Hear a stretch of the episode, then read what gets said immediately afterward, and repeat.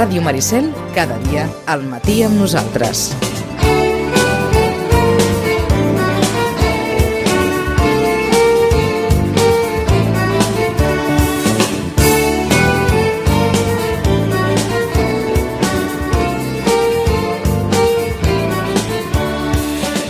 Una nova edició del Gaudeix la Festa, en aquesta prèvia de Nadal. Eh, com ho podem fer això? Allò, primera hora del matí, missatge. Podríem començar amb el que escoltaran a continuació. Em diuen, Xachi, doncs clar, que podem començar amb això. Ep, tot sencer no, eh? Perquè són 11 minuts. Però com a mínim, a molts indrets de, de Catalunya, demà a la nit, o abans o després de la missa del gall, depèn de com, de com vagi això, perquè cadascú s'ho ha encaixat d'una manera o una altra, s'escoltarà el so de la Sibila.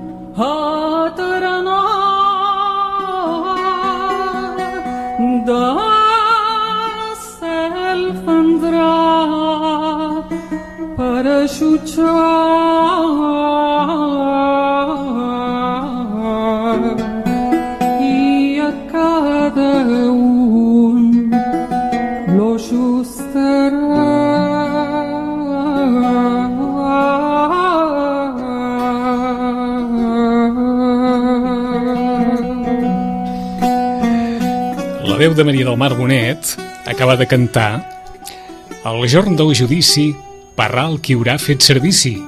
Jesucrist, rei universal, homo i verd Déu eternal, del cel vindrà per jutjar i a cada un lo just darà. Xachi, bon dia, bona hora. Molt bon dia. A la història del cant de la Sibila es perd en el...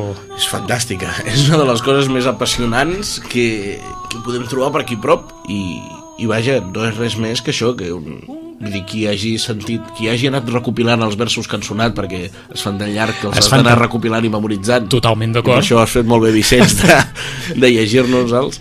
Um, És necessari escoltar amb, amb el text, eh? Està molt bé, sí. Ajuda perquè si no es fa- es fa, com deies, es fa difícil, De eh? 7 a 11 minuts, depèn qui ho canti. Ahà. En aquest cas és la Maria del Marbonet, en un enregistrament en una església de Barcelona, i és fantàstic, eh? aquest enregistrament, a més, no és qualsevol, és Maria del Marbonet. Que sí.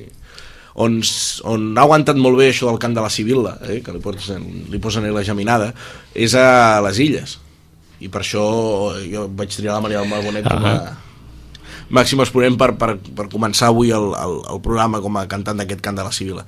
Cant de la Sibil·la, eh, qui ho ha llegit doncs, o ha escoltat ja, ja veu que és algú molt profètic i no és res més que l'anunci l'anunci o, la, o la profetització de la segona arribada del Masies però aquest cop no per salvar els pecats dels homes sinó per jutjar-los Sembla que en, en una primera vinguda, l'any zero, i ja ens va avisar, i ara vindran per jutjar-nos. Eh, això del judici final eh, té moltes connotacions i, i vaja, eh, hi ha qui s'ho pot prendre al peu de la lletra i per això s'ha creat tota aquesta, per mi, amb tots els respectes cap a tothom, tota aquesta fantasia al voltant d'una segona, una segona vinguda del profeta i hi ha d'altres que el judici final, doncs com jo pensen que és al final morir-se amb la consciència tranquil·la. El, els, els versos són contundents, eh?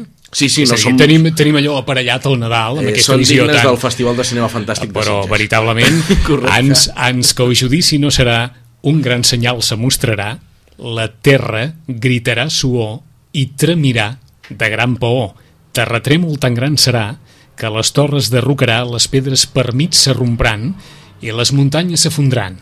Això és el que venia a continuació d'aquesta estrofa inicial que assenyala, com, com, deia, com deia en Xachi, aquesta, vaja, una, una profecia de, de recol·locar els pecadors, de recol·locar els malfactors, de recol·locar mm. tots aquells que no han, que no han seguit eh, els designis divins. Eh? De fet, és molt divertit perquè la cultura popular, com podia ser el camp de la Sibila, jo el considero totalment popular, i d'això vol dir que hi ha una transmissió oral que durant generacions l'ha anat deformant allà on es canti, vull dir, hi ha versos diferents depèn on es canti, aquest és segurament el més, el més estàndard, o sigui, és que n'hi ha estàndards a la cultura popular. Uh, podríem dir que la cultura popular dota de molt més, eh, fins i tot simbolisme i precisió amb els fets de la fi del món que no pas la Bíblia, perquè si algú agafa eh, els últims versos de la, de la Bíblia que relaten la fi del món i el judici final, en quatre versos s'ho ventila, diu, i vindrà, ens jutjarà tots i adeu-siau. Vull dir, d'una manera ràpida. És un tema místic bonic per tractar. Eh, um, S'ha anat extenent la representació del cant de la Sibila en Ah, diferents bo, indrets de. Catalunya, no? Sí, és divertit això del cant de la Sibila perquè, com, com dèiem abans, ha aguantat molt bé el que són les illes, però és una, és una d'aquelles coses que certifica, tot i que es feia a tota Europa, però certifica un cert, lli- un cert lligam cultural al que podríem dir els països catalans. Eh? Hi ha diferents manifestacions, eh, diguéssim, folclòriques, festives, fins i tot religioses que aboquen doncs, un, uns països catalans que tenen moltes similituds. Uh, des dels balls de cavallets fins a no sé, fins a la celebració de Sant Antoni eh, on hi ha altres sants molt més forts a, a altres bandes d'Europa no és res més, eh, ara li diem països catalans, però no deixa res de ser res més que un, que un, que un arc mediterrani on ser rei va partir la pana durant un temps i és normal que tinguem aquests costums. De fet, de Cants de la Sibila n'hi han documentats a Barcelona, n'hi ha documentats a l'Urgell, que dius, una comarca tan, tan, tan, tan terra endins, no? Sí, sí, tan sí. entrar a, a, a la terra com l'Urgell. Després tenim el Jamasí, en tenim un Tinyent, no em vull arriscar-me però m'arriscaré i diré que també a la Catalunya Nord hi ha alguns indrets on hi ha i òbviament després tots els de les illes Eh, en versions diferents, tots ells? sí, tenen, Sí. canvia la lletra una mica. Ah, al final diu el mateix però canvia Ah, la lletra. la música tres quarts de, del mateix, Tres en quarts del versions mateix, musicals sí, sí, diferents sí, sí, també? sí, correcte. Hi ha els, els llocs més autèntics podríem dir, o, on ha aguantat més la tradició a la, a la consciència col·lectiva que és on aguanten les tradicions, no pas a qui les fa sinó a la consciència i al seu fenomen el fenomen que creen. Eh, diguéssim que quan acaba el cant de la Sibila no hi ha aplaudiment es fa un silenci, es retiren els seus intèrprets Ahà. i continua la missa o acaba la missa Vull dir, aquí s'aplaudeix com si fos un espectacle. Exacte. Jo estic segur... Vaja, ara que al final d'aquesta interpretació de la Maria del Mar Bonet Sí, hi ha no li aplaudiments. faré la mala passada al tècnic d'anar a però- buscar si hi ha aplaudiments o no. Ah, però, però, Però, sí. eh, diguem-ne, per respectar l'ortodòxia, al Silenci. final, silenci. Silenci sepulcral. Bé, de fet, respondria aquest silenci a l'advertiment eh, de, la, de, la, de la Sibila. Expliquem quatre coses més de la Sibila que són Vinga. divertides. bueno, divertides, són curioses, divertides d'explicar. Eh. Eh, I és que al final no acaba amb Aplaudeixen, aplaudeixen, al final. Mira, aplaudeixen. aplaudeixen. per, per això és un aplaudiment... jugat un sopar, l'haguéssim guanyat, és, veus? un, és un aplaudiment d'aquells de... de... Ah, La Maria del Mar Bonet, Exacte, oi? Home, exacte. per favor. Eh? Exacte. Eh, Curiositats. Uh, curiositats, aquesta. Eh, diguem que al final, a qui li demana ajuda no és pas a Déu, ni al Masies que vindrà, ni a cap sant, sinó que li està demanant ajuda a la Mare de Déu. Vull dir, a qui s'empara en un final per salvar l'ànima és a la Mare de Déu. Cosa curiosa, entenent que habitualment el cant de la Sibila el canta una dona o un nen, un nin, com li diuen a, a Exacte. les illes. Uh, Un nin abans de canviar la veu, eh? un nin... Ah, correcte, perquè si no ja passaria a ser un al·lot. Eh, doncs, abans de canviar la veu... Mallorquins de l'edat, Ah. o, o menorquins. És a dir, tradicionalment també el canta una dona o un, Correcte. o un nen. I eh, la dona, vull dir, la dona també vesteix d'un blanc o, o d'un blau cel colors molt lligats a la Mare de Déu, a, a, als Ah. diferents miracles de, de, de, eh, lligats a la Mare de Déu i també a altres salvadors com podrien ser l'àngel, l'arcàngel. Ah, és el que anava a dir, eh? Eh? D'alguna manera, algú que ve a anunciar Ah. un missatge Correcte. i per tant ve, ve abillat com en aquest cas tenim tipificat Mm. la iconografia té tipificat aquí qui envia missatges o qui d'alguna manera els pronuncia eh? Jo sempre dic que a Catalunya hem de dir, i té un gran pes la Mare de Déu, perquè és una figura bonica i els catalans som d'aquesta manera, no? ara que està de moda tant el feminisme i la manera femenina de veure les coses i tot això, i el companys i companyes i les companyes, tot això, doncs entendre que els catalans eh, diem Mare de Déu. També es diu verge, però trobo una expressió molt més genuïna, la paraula Mare de Déu, i trobo que en un aspecte de modernitat, no sé si en algun moment ho deurien llegir així, jo espero que, jo, jo espero que sí, això em val alguna discussió, eh? Sí? Eh, és molt més important el, el miracle de ser mare que no el miracle de ser verge.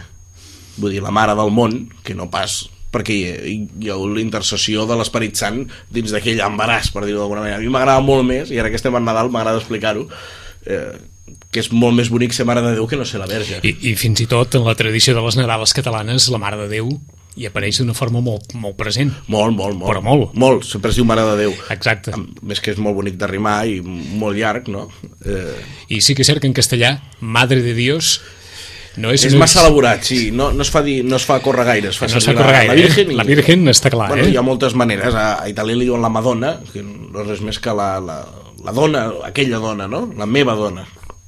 Són maneres de veure-ho. A mi, Mare de Déu, m'agrada i molt. Mhm. Sense ser ni, ni creient ni practicant, l'expressió m'agrada. Tot dir que això de la Sibila, com moltes altres coses de la cultura popular, i, però que els catalans tenien molt d'empeny, i quan dic els catalans, eh, dic eh, tots aquests que entren en aquest arc mediterrani on van partir la pana durant cert temps, eh, són molt caparruts i ens agradava molt, suposo, i és que el Concili de Trento, any 16, 1530 i alguna diria, potser m'erro, eh, però eh, 1500 i alguna eh, hi ha el Concili de Trento i acaba amb totes aquestes manifestacions, eh, diguéssim, més populars, més, més diguem-ne pseudo Sí, pseudo-religioses, més abocades des de, des de la ciutadania cap a l'església que no pas des de l'església cap a la ciutadania, acaba amb totes aquestes coses. I aquest és el gran, el gran revolt que no pot salvar el cant de la D'acord. Sibila. O sigui, el punt d'inflexió en, la, en, el, Mm. diguem-ne, en la difusió del cant de la Sibila serà, serà aquest? Sí. sí, com molta gent que ens escolta, que li agrada molt el món festa majorenc i tot plegat, Ah. es prohibeix que tots aquests balls ballin dins de l'església. Qui no coneix la Patum de Berga, oi que ballen a la plaça davant de l'església, perquè en cert moment els hi prohibeixen ballar dins. D'acord? O sigui, I tot això va molt lligat amb el Concili de Trento que genera, genera aquestes, aquest, aquestes normes. És una de les coses que es discuteixen i s'acorden al Concili de Trento. Eh, demà els sitgetans, com els darrers anys, podran assistir a la representació del cant de la Sibila abans de la missa. Mhm. Al Penedès hi ha, hi ha alguna representació del cant de la Sibila? Al? Al Penedès hi ha... Jo no ho conec, aquesta de Ho Sitges dic per és si, de... per si ens hem quedat ara com una mostra més o menys diguem única segurament. i singular. Ara, A Vilanova segur que no. Perquè vull dir, a banda que ho coneixeria, de les poques misses que hi vaig és la missa del gall i vaig a la que està, ara que no se m'enfadi ningú, però la que està més currada, podríem dir, més que res per massa social que té i tot això, que és la de Santa Maria de la Geltrú, i està molt guai, està molt bé, Vinga. però, però no fan de Però no fan cant de la Sibila. Els hi proposaré de totes maneres. Ens havia quedat eh, pendent, perquè li preguntàvem a en Xachi carasses, què és això de les carasses? Sí, la setmana passada va quedar... I ens va quedar allò de les carasses, i ell ens ho va definir d'una forma molt, molt gràfica, una cara gran, Mm. i després el van lligar fins i tot amb un, vaja, amb una tradició vilanovina que, que en els darrers anys també va viure un punt així d'un cert d'una certa polèmica Tenim col·lectiva eh? mogonisme, mogonisme i Ah, exacte. ambient. Jo tinc un amic que sempre diu, això és ambient. això és ambient, Ambient, home. doncs en veu tenir molt d'ambient arran d'una carassa eh? Un ambientasso. arran d'una carassa què són les carasses? Les carasses ens hem d'imaginar una espècie de cap gros, però no tant 3D, sinó més pla. Vull dir, al final una cara, un dibuix d'una cara amb cert relleu, però poc, que penja d'una paret, i que aquella carassa, eh, mitjançant doncs, un ritus variat, no, ben bé no hi ha res definit, en cert moment del Nadal, aquí diversos folcloristes o entesos i estudiosos es van barallar o van apuntar coses diferents com podia ser en Cap d'Any i l'Amades uns apuntaven Cap d'Any, els altres apuntaven nit de Nadal al final es feia un dia durant el Nadal aquestes carasses, aquest, aquesta cara anava recolzada, anava posada sota de l'orgue Uh -huh. és sota de l'orgue de les esglésies i segurament durant les llibertats d'orgue eh, ja sabem que durant les festes aquí a Sitges se'n conserva una molt clara que és quan, quan entra al, al tabernacle de Sant Bartomeu a l'acabar la processó crec que s'ha presentat Quina, el quina mateix expressió més maca. Que ara l'havíem sentit, aquesta, de les llibertats d'orgue. llibertats d'orgue, és que és molt És a dir, una improvisació a l'orgue. Sí. És una llibertat d'orgue, eh? No, Eh? l'organista es pot prendre la, La- la llicència. la llicència a tocar el que vulgui. Exacte. Llicen... També se li diu llicències d'orgue, eh? Uh -huh. Llibertats Però és encara és més bonic llibertats d'orgue. Sí, eh? llibertats d'orgue, sí.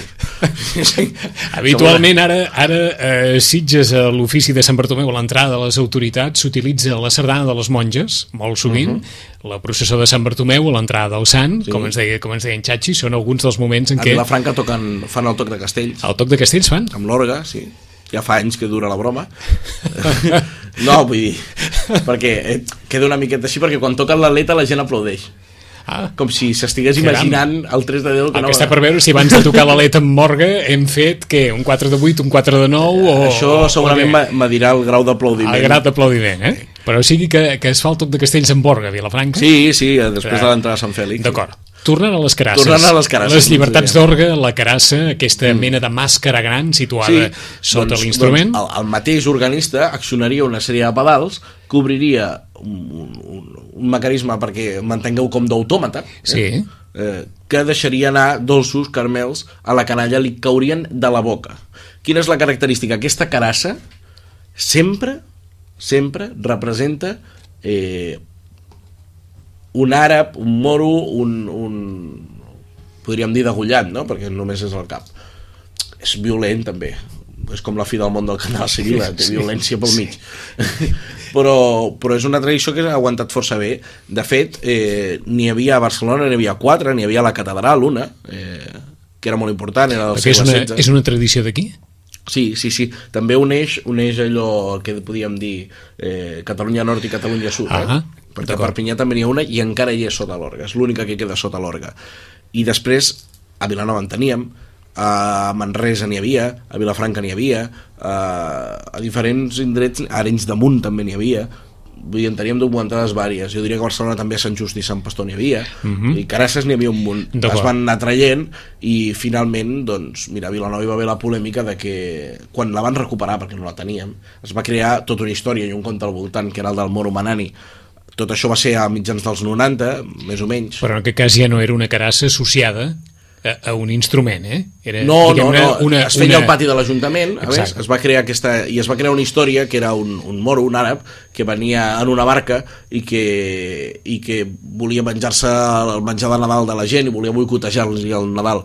A finals dels 90 va començar tota la immigració de, del Marroc cap aquí, a més en patera, i al final es va creure que jo no era dient, la història la va crear els amics de l'Estaquirot, la bona gent de l'Estaquirot, ells mateixos gairebé van decidir que això eh, no, Que no tenia quedat. més recorregut Ahà. i que la història s'havia viralitzat d'una manera que no calia, i van crear un retaule de Nadal on ara és un caganer que els caga.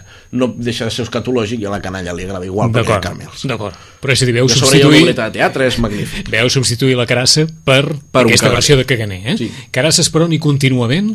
N'hi ha una a Barcelona que a de més és molt divertida. És una mena entre carassa i cap gros, em sembla, Correcte, de porta Barcelona. rodes i no perd la funció de llançar carmels per la boca i es passeja pel mercat de Santa Ah, Llúcia. D'acord, és una carassa que em sembla que està en el, en el museu... Bé, no? Sí, si aneu a veure la casa dels entremesos, Ah, exacte. a la plaça de les Beates, que no dels Beatles, perquè hi ha mapes que s'equivoquen i posen plaça dels Beatles, plaça de les Beates, al costat de la catedral, eh, creuant la, la Via Laietana, a l'altra banda, eh, podeu veure-la tot l'any, està allà exposada. És gratuïta, més. En, en qualsevol cas, la carassa només s'utilitzava per Nadal, per les festes de Nadal. Sí, sí, només per Nadal. Només per Nadal. I és una història, és una història curiosa. Hi ha moltes representacions eh, d'aquestes, de- de- d'àrabs vençuts. Eh? Al final, els balls de moros i cristians, turcs i cavallets, representen tot això. Al final l'Església ens volia, ens volia representar això. Amb lo de les llibertats d'orga que hem parlat és molt Sí. divertit i això ho apuntarem, que la primera referència a moltes cançons que eh, d'aquestes, de la cultura popular que ara fem servir tant durant les festes majors del Penedès i del Garraf, es van anotar en un quadern d'un organista de la Geltrú que es deia Magí Sants i que va, un dia li va donar per apuntar les llibertats d'orga que tocava. I allà tenim la, el primer toc, per exemple, del toc de Castells, amb el nom de Xiquets de Valls. És fantàstic. Vull dir, gràcies a aquest senyor que es va poder... Eh, que va apuntar doncs, el que tocava de llibertats d'orga de cançons populars. S'ha escoltat alguna vegada? Sí, sí, bé, hi ha la partitura i s'ha interpretat. De fet, hi ha un llibre molt xulo del Joan Cuscó, eh? un bon amic vilafranquí, que es diu El toc de Castells, explica una mica la història, i darrere hi va un CD fantàstic, amb gravacions dels anys 40 i 50, i després hi ha interpretacions de com sonava, uh. -huh. sonava aquest toc de Castells, i després que moltes vegades peces que sentim ara al carrer les han anat a buscar directament allà. No sé ben bé on para aquest quadern, eh? també t'ho dic. A Santa Maria segur que no, eh? segur que ha anat a parar a una altra banda, no dic que allà estigui malament, però, Però existeix, eh? però existeix. Existeix. El quadern de Magí Sants. Existeix. Ens vols eh, felicitar les festes amb Vinga, va, acabarem amb el tall. ah, una cosa molt maca. Sí. És com una mena de rondalla, eh? Sí, perquè a, a mi m'agrada aquest toc tan, tan del sud que li donen als al tall. No he escoltat mai, dic que quina cosa més maca. Sí, sí, és de- molt bonic. Van fer una feina que a Andalusia també la van haver de fer, encara que allà havia perviscut molt més i que aquí potser la tenim encara per fer, i és fer un recull de les Nadales, diguéssim, més populars.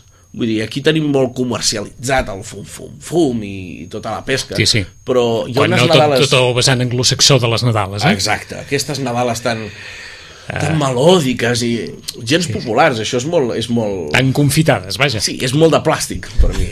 Aleshores, els del tall van fer dos volums que es deien Nadal Valencià, Ah. fantàstics, eh, diria que, van, que els van fer a principis dels anys 80, finals dels 70. Perquè fem un matís aquí, el tall són valencians, eh? Són valencians, correcte, se m'ha escapat de dir-ho. No, no, i ara? Tenim el Vicenç que sempre I ara, valencians. bé. Són uns valencians fantàstics que ara ja estan retirats, perquè són grans i ja han fet la feina que havien de fer i, i agraïts tots, que recuperaven peces en, dir, el cant dels maulets i el tenim ara gràcies a ells, per exemple i van fer dos volums que es deien Nadal Valencià i aquesta és la que més m'agrada, es diu Pastorets i Pastoretes, i és una mica un romanço això una rondalla amb un pal eh, fins i tot flamenc Ahà. fantàstic molt popular i molt valencià i amb això us felicitem les festes Aquí no cal que us llegim la lletra perquè l'entendreu perfectament, eh? Perfectament. Pastorets i pastoretes, la gent del tall.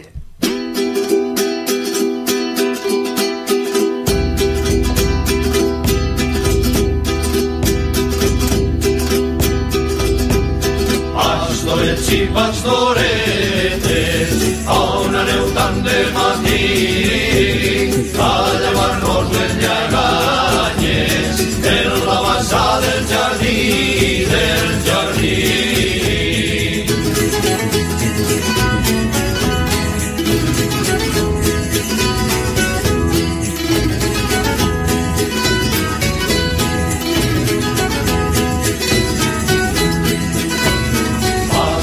Pastorets i pastoretes, heu-me